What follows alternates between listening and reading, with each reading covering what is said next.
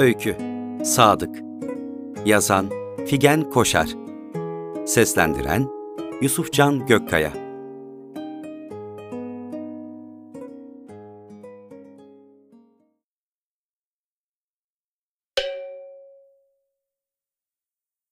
Duvardaki çifte pandüllü, ağır zincirli, abonoz ağacından yapılmış İsviçre saatinin gongu gece yarısının geldiğini haber verdi.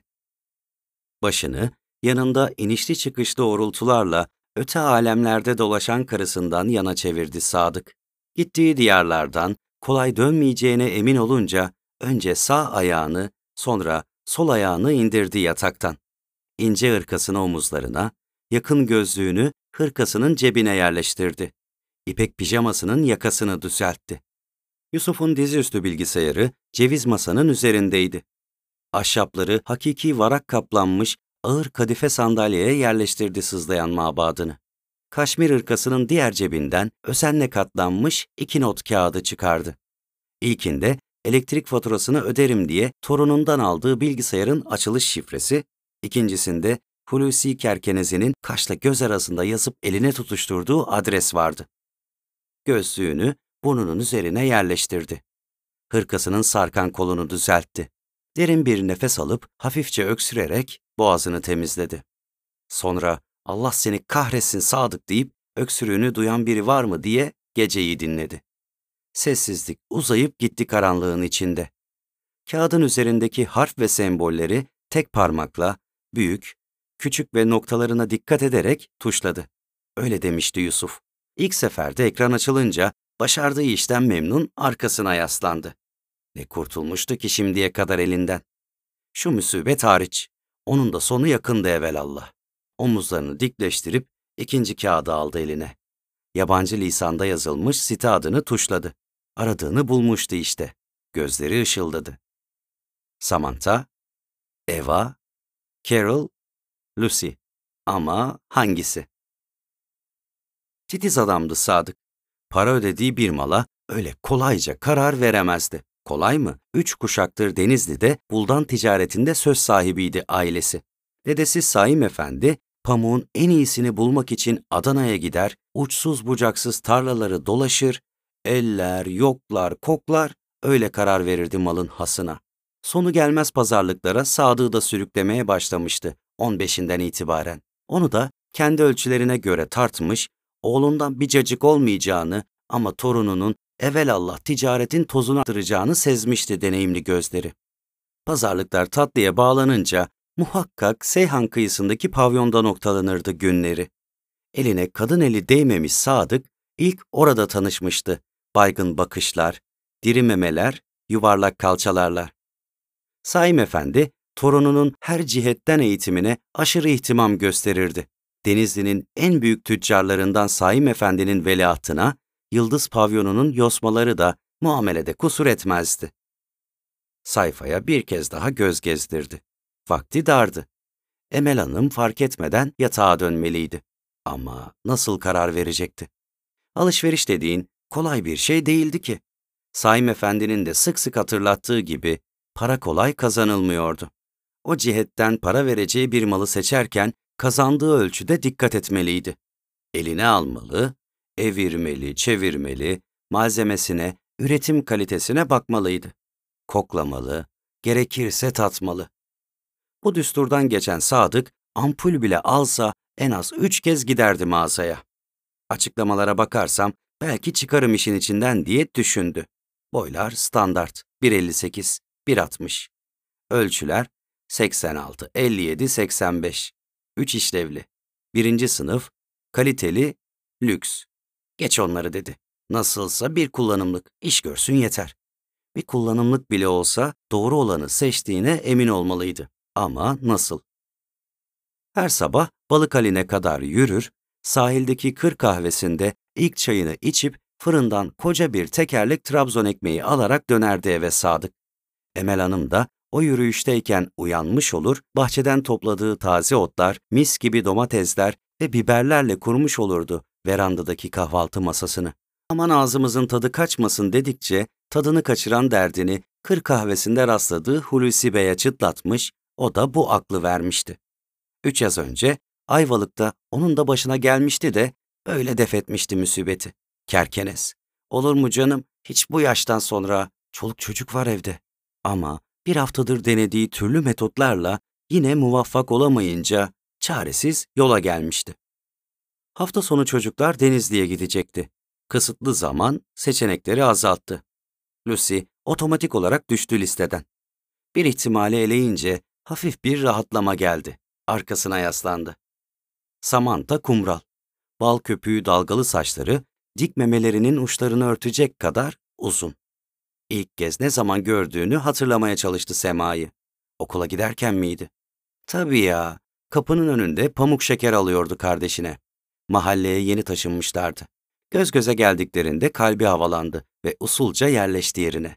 Kulaklarına bir sıcaklık yayıldı. Sonra aynı okulda olduklarını fark etti. Bir gün gizlice sınıfına girip bahçeden kopardığı pembe gülü bıraktı çantasına. Çıkışını takip etti.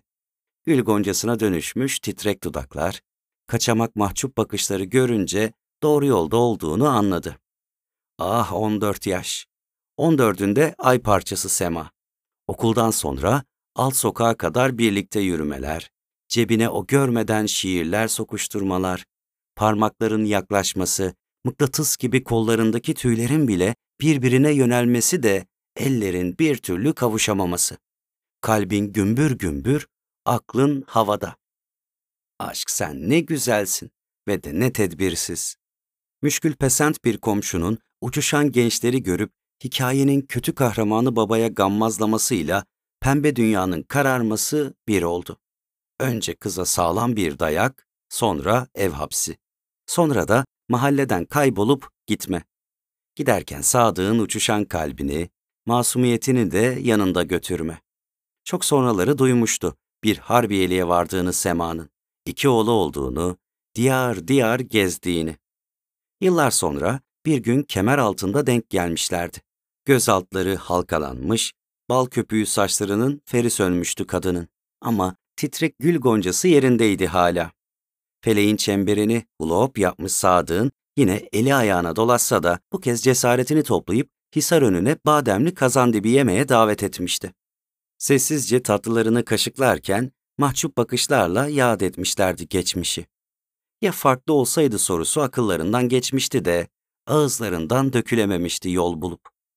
Sonra yine utangaç, yarım yamalak bir veda ile çıkıp gitmişlerdi birbirlerinin hayatından. Samantha Sema, gel desem gelir misin acaba? Sen olmayasın bu derdin ilacı. Yeşil gözlü, yangın saçlı Eva'ya kaydı gözü sonra. Şuh dudaklar, çapkın bakışlar. Sıcak, nemli, baygın kokulu Seyhan geceleri. Arada esen ılık rüzgar. Alev'in amber kokusunu taşıyor burnuna burnuna. İnce, uzun parmaklar utangaç ellerine uzanıyor. Nemli avucu kadının dizinde. Payetli etek gitgide daha kısalıyor. Beyaz kalçalardan taşan kırmızı dantel külot. Bakmamaya çalıştıkça kasıklarını basan yangın. Tecrübeli bir el, elini tutup sürüklüyor. İlk kez tanıştığı kadın vücudunun girinti çıkıntılarında. Parmak uçlarına kadar titriyor dokundukça. Nefes nefese çıkılan basamaklar, kırmızı loş ışık, tütün kokan beyaz çarşaf, dudağına değen viski kadehi, kasıklarına serilmiş alevden saçlar. Sabaha karşı aynı merdivenden tazelenmiş, canlanmış, dünyanın bütün gizemini çözmüş, yaşıtlarına yıllarca fark atmış bir Sadık iniyor. Ekrandan bakan Eva'nın çapkın bakışlarıyla buluşuyor bir kez daha gözleri. Genzini belli belirsiz bir amber kokusu yokluyor. Acaba... Sonra yok yok diyor. Değiştiriyor sayfayı. Alev'den öğreneceğimi öğrendim ben, kafi. Kızıl saçlar Seyhan'ın karanlık suları ile buluşuyor. Sarı saçlı, mavi gözlü, yuvarlak, dolgun memeli, hoppacık Lucy, yarı açık ağzıyla tatlı tatlı gülüyor şimdi Sadık'a. 50 yıl önceye gidiyor aklı. İlk nerede görmüştü onu? Plakçıda mı? Evet evet. Evinin olduğu kesme taşlı dar sokağın köşesindeki plakçıda kasada çalışıyordu Linda. Bonnie'min yeni çıkan planı almak için parası çıkışmamıştı da üzgün gözlerle yerine bırakırken bir iki fenik kendi cebinden vermişti kız. Kabul ederim Ama yarın akşam biri ısmarlarım demişti Sadık. Kocaman bir gülümseme yayılmıştı kızın yüzüne. Bu Alman kızları çok rahat oluyor. Sen istemeden veriyor diyen, dil dile değmeden dil öğrenilmez diyen abaza arkadaşlarının tüm dedikleri çıkmıştı kısa zamanda. Linda'nın dili dilinde yuvarlandıkça bülbül gibi şakır olmuştu Almancayı. Kim ne derse desin, şehvetin ve aşkın ilk kez aynı bedende, aynı tende buluşmuş haliydi Linda. Kısa zamanda her yere birlikte gider olmuşlardı. İçki içmeyi, röştü pişirmeyi, kayak kaymayı kızdan öğrenmişti, Almanca gibi. Kiradan tasarruf etmek için Linda Sadık'ın nehri gören tek oda dairesine yerleşti üç ay sonra. Ama Makus Tali bir kez daha çalıştı. Saadetini kıskanan gammazcı arkadaşları girdi devreye bu kez de. Dedikodular, Hamburg'u aşıp T İzmir'e yol yapınca, yolun sonundaki Saim Efendi ve Rümeysa Hanım onca yolu aşıp bir sabah dayanıverdiler dairenin kapısına. Linda'yı saçından tutup sokağa atmakla, Sadık'ı önlerine katıp İzmir'e kaçırmakla kurtarmış oldular torunlarını gavur gelin ihtimalinden. Karabağlar'da üç katlı mobilya dükkanı açtı Saim Bey Sadık'a. Rümeysa Hanım, Güzel Yalı'da babadan kalma deniz gören dairesini dayayıp döşedi. Denizli eşrafından Bahri Bey'in kızı 15'indeki boncuk gözlü Emel'i yerleştirdi içine. Bak, senin saadetin burada dediler bundan sonra. Emel arka arkaya iki evlat verdi Sadık Bey'e. Biri kız, biri oğlan. Saadetleri pekişti ama eksikti. Huzur ve seks aynı bedendeydi de aşk neredeydi? Şehvet neredeydi? Lucy Linda zaten hafta sonuna yetişemiyordu. 50 yıl önceki gibi ihtimal dahi olamıyordu. Üzgün üzgün değiştirdi sayfayı Sadık. Kara kaşlı, kara gözlü, kavruk tenli, gece saçlı Carol belirdi sayfada. Eli ayağı titredi. Dizlerini ovuşturdu, oturuşunu düzeltti. Kudretinden sual olunmaz ya Rabbim deyip hırkasına iyice büründü. Eve barka karışıp Linda'dan umudu kesince işe güce sardı Sadık. Mobilya dükkanlarını üçledi. Bu işlerde nüfuslu ahbap gerekir diyen Saim Efendi'nin öğüdüyle ucundan siyasete bulaştı. Sonra ocak başkanı oldu. Yeni dükkanlarının tadilatında inşaat firması lazım olunca ocaktan arkadaşların tavsiyesiyle buldu Kudret İnşaatı. Kudret Bey diye ziyarete gittiği firma sahibi Kudret Hanım çıktı. Mardin'den İzmir'e göç eden bir ailenin kızıydı Kudret. Dediğim dedik, çaldığım düdük. Lafı gediğine koyan, kimseden sakınmayan, tuttuğunu koparan, erkek isimli, erkek tavırlı, kadın kılığına girmiş bir yırtıcıydı. Tırnaklarımla kazıya kazıya geldim ben buralara diyordu. İstediğimi almak hakkım. Sadık Bey de istemişti ve tabii ki de almıştı. Bir kez daha ipleri eline verecek bir kadın bulmuştu Sadık. Dışarıda kükreyip Kudret'in koynunda huzur buluyordu. Bir kez daha aşk, şehvet ve tutku aynı bedendeydi. Kordon boyu, fuar geceleri, çeşme, alaçatı, foça yetmedi aşklarına. Kıbrıs'a kumar oynamaya, Monaco'ya yarış izlemeye, Rodos'a yüzmeye gittiler. Belarus'undan Zanzibar'ına diyar diyar dünyayı gezdiler. 15 yıl geçti böyle böyle. Kudret evlenelim diye tutturmamış, Emel duysa da duymuş gibi davranmamıştı. Huzurum kaçmasın diyen hanım kadın, mutluluk haplarıyla susturmuştu sağdan soldan kulağına fısıldanan dedikoduları. Çocuklar büyüyüp güzel yalıdaki ev yetmez olunca, Maltepe'de denize nazır bir arsa alıp gönlüne göre bir ev yaptırmak istedi Sadık. İnşaatı Kudret'e teslim etti tabii ki. Kudretli kadın ilk defa taze gelin edalarına girdi. Ruhunun derinliklerinde kalmış tüm incelikleri çıkarıp nakış nakış işledi üç katlı villanın dört köşesine. Palmiyelerin arasında bahçeli, havuzlu, gösterişli bir yuva yaptı sevgilisine. İnşaat bitince Sadık Bey evinde, havuz boyutunda lüks küvetinin de açılışını kudretle yaptı. Kendisine hobi katı olarak ayırdığı çatı katın terasında şaraplı mumlu yemek hazırladı elleriyle sevdiceğine. Kadehlerin ilk tokuşmasıyla gidiyorum ben dedi Kudret dan diye. Şirketi İstanbul'a taşıyorum. İşler büyüdü. İzmir dar gelmeye başladı artık. Aslında dar gelen hiç söylemese de Sadık'ın üç kişilik hayatına sığmaya çalışmaktı. Sadık anladı ama hiçbir şey diyemedi. Kadehini usulca bıraktı masaya. Kudretti işte. İlk lafı da, son lafı da o söylerdi. Yok yok, Carol Kudret hiç olmazdı. Yarı yolda bırakırdı o adamı. Kudret gidince içinde kocaman bir boşluk oldu Sadık'ın. Bir daha hiç görüşmediler. Kadını ekonomi dergilerinden, gayrimenkul sayfalarından takip etti yıllarca. 15 yıllık sevgilisinin onu merak edip bir kere bile aramaması kırdı döktü içini. Dükkanları artık büyüyen oğlu Ahmet'e devretti. Siyasetten elini ayağını çekti. Tüm bunları kendini kudrete beğendirmek için yaptığını, artık bir anlamı kalmadığını fark etti ayıflanarak. Kendini sevgilisinin elleriyle yaptığı lükse ve hapsetti. Mahalledeki kediye köpeğe, gelene geçene, ota böceğe sardı. Emel Hanım, büyüdükçe asileşen çocuklarına, yaşlandıkça huysuzlaşan kocasına tahammül için mutluluk haplarının dozunu arttırdı. Tavandan gelen kuğurdamaları duyunca sinirle ayağa kalktı Sadık. Dolaptan vilada sopasını kapıp banyoya yöneldi. Tavan camına öfkeyle tıklattı birkaç kez. Kuğurdamalar önce kesildi. Tam arkasını dönüp gidiyordu ki daha yüksek başladı. Gak gak gak. Aylardır illallah dedirtmişti bu martılar. Gelip çatıya yuva yapmışlardı başka yer yokmuş gibi. Sabaha kadar tepesinde gaklayıp uyutmuyor, sabahtan akşama kadar bahçeye sıçıyor, mobilyaları da bırakıp giden sevgilisinin özenle nakış nakış işlediği evini de boka buluyorlardı. Yetmezmiş gibi mahalledeki hem cinsleriyle birlikte havuzu hamama çevirmişlerdi. Dün sabah saydı, tam 20 tane kuş vardı havuzunda. Hışımla masaya geri döndü. Semada karar kılmıştı.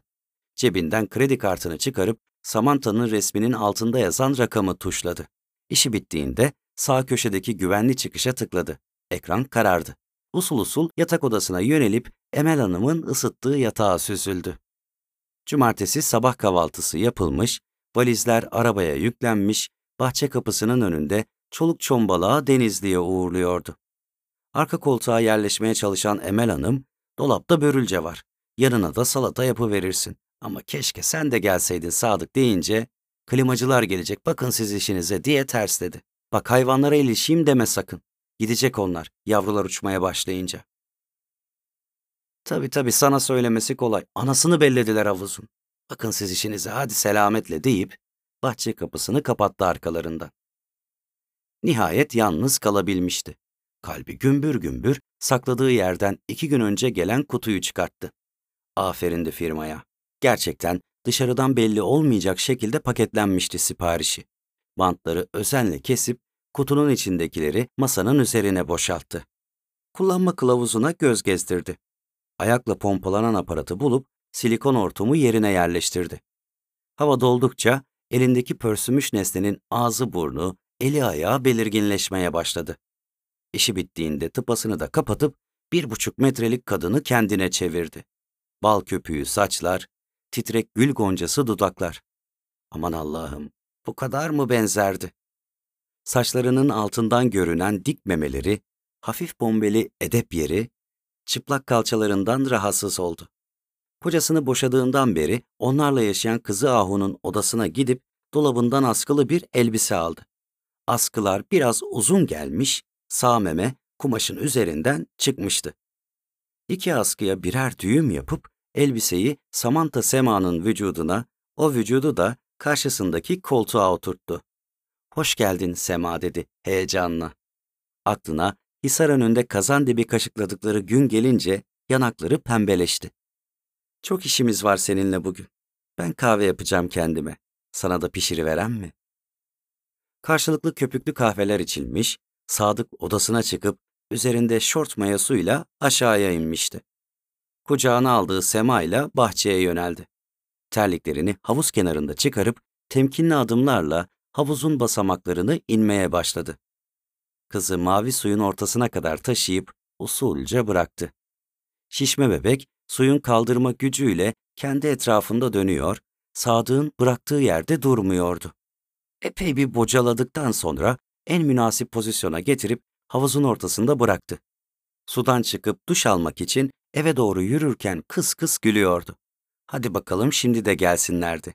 Hulusi'nin taktiğine göre Samantha havuzda korkuluk görevi yapacak, martıların suya inmesini engelleyecekti. Hadi kızım Sema göster kendini dedi gevrek gevrek gülerken. Duşunu aldıktan sonra börülce ve domates salatasıyla hafif bir öğle yemeği yedi. Bir salkım üzüm ve bir bardak su alıp bahçede şezlonga yerleşti keyifle. Üzüm veren mi sana da Sema diye seslendi uzandığı yerden.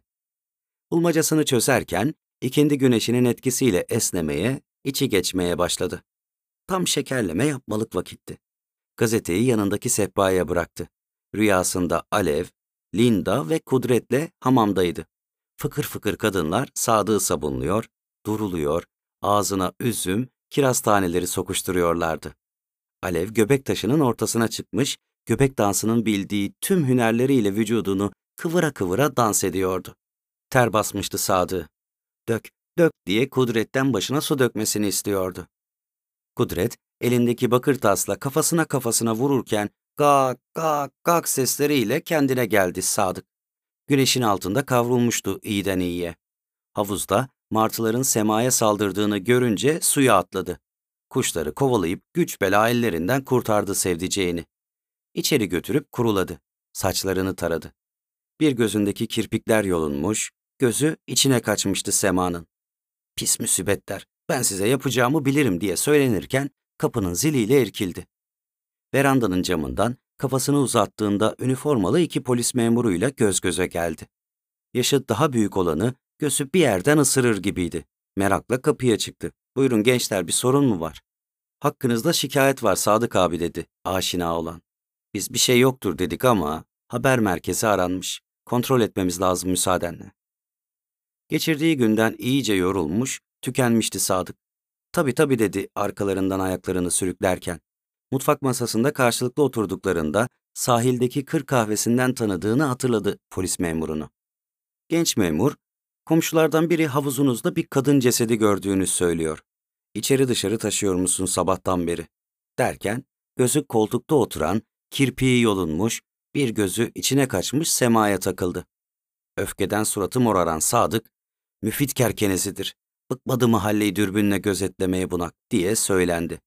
Memurlar, semayı kaş gözle birbirlerine gösterip kıs kıs gülmeye başladılar kendi aralarında.